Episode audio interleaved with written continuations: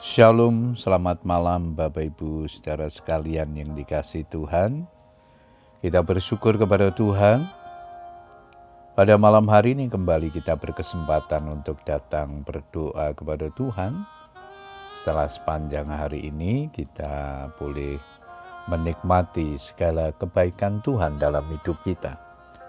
Malam hari ini kembali kita akan merenungkan firman Tuhan untuk mendasari doa-doa kita yang diberikan tema sikap yang benar dalam berdoa. Ayat mas kita di dalam Mazmur 25 ayat yang ke-9. Ia membimbing orang-orang yang rendah hati menurut hukum dan ia mengajarkan jalannya kepada orang-orang yang rendah hati. Banyak orang percaya mengeluh doa-doanya belum beroleh jawaban dari Tuhan. Padahal mereka sudah berdoa sekian lamanya. Salah satu faktor yang menyebabkan doa-doa kita terhalang yaitu sikap hati kita yang salah dalam berdoa.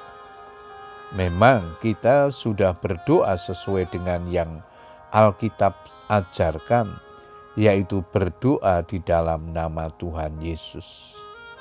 Tetapi kamu tidak menerima apa-apa karena kamu salah berdoa. Yakobus 4 ayat yang ketiga.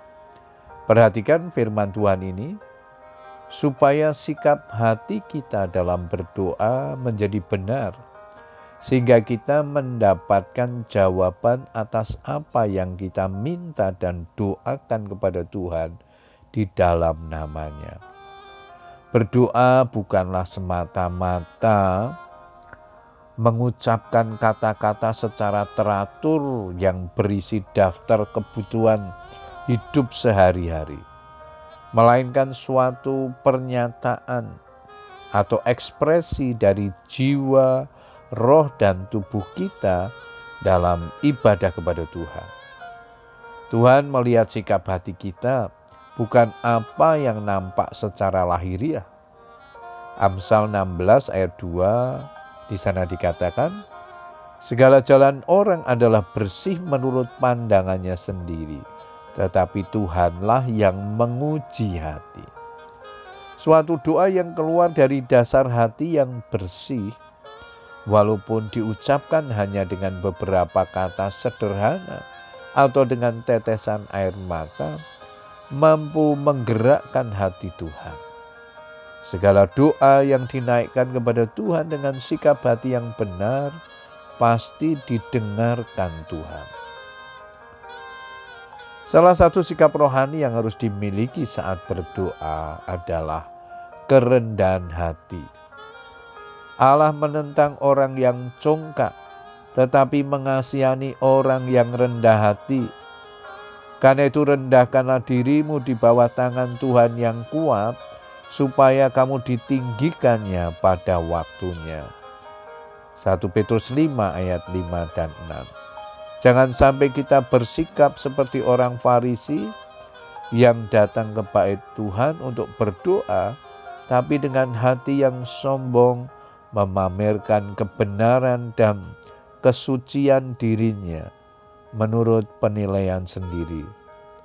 Dipandang dari sudut mana pun, sesungguhnya tidak ada alasan bagi kita meninggikan diri atau bermegah di hadapan Tuhan, sebab segala keadaan dan apa yang kita punyai adalah semata-mata anugerah Tuhan.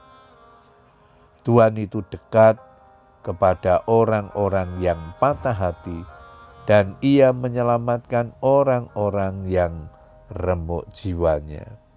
Puji Tuhan Bapak Ibu Saudara sekalian, biarlah kebenaran firman Tuhan yang kita baca dan renungkan malam hari ini menolong kita untuk kita memiliki sikap yang benar di dalam berdoa.